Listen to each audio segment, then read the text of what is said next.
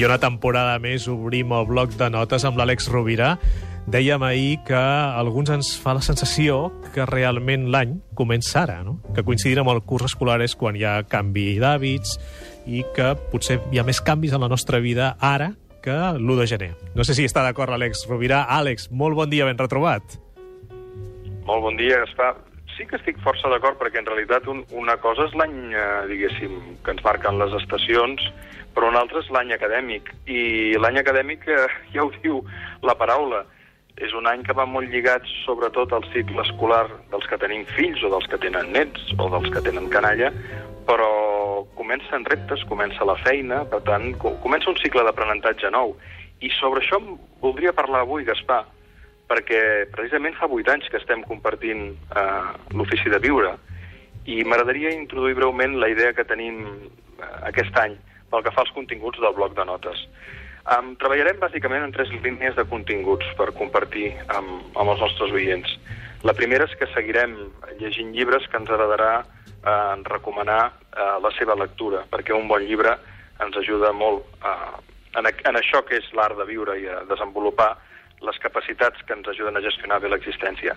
També reprendrem conceptes que hem, que hem après en el passat o que hem compartit en el passat, conceptes que procedeixen de la filosofia clàssica o de la psicologia contemporània. Ens agrada molt combinar el classicisme amb la contemporaneitat, des de les recerques científiques, per exemple, sobre la neurologia, que poden generar un impacte significatiu en els nostres processos d'aprenentatge, o recuperar la lectura dels clàssics que ens obren el cap i el cor en el millor dels sentits. I també eh, farem divulgació d'aquelles eh, teories que ens poden ser útils, d'aquelles reflexions que ens poden ser útils en general a l'hora de mirar el món.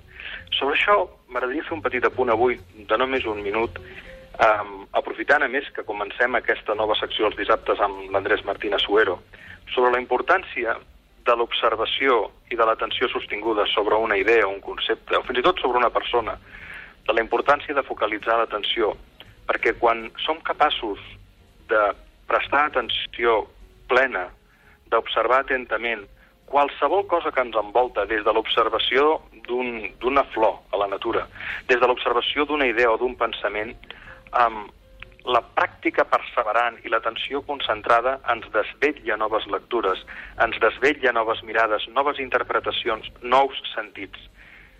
Això és una invitació important, perquè de vegades Albert Einstein, me'n recordo, que deia, vaig llegir un cop una frase boníssima, deia, normalment arribem a una conclusió quan ens cansem de pensar. I certament ens cansem molt sovint de pensar o d'observar.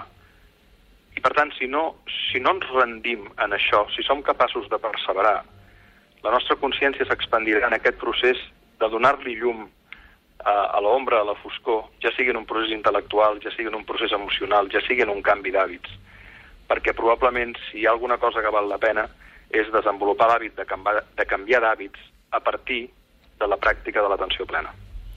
És un plaer comptar un any més amb Àlex Rovira, a l'Ofici de Viure de Catalunya Ràdio, amb el seu bloc de notes, cada diumenge. Àlex, moltíssimes gràcies. Un cop més que a tu, tinguis... com sempre, Gaspar, una abraçada. Una forta abraçada. Fins diumenge. Fins diumenge.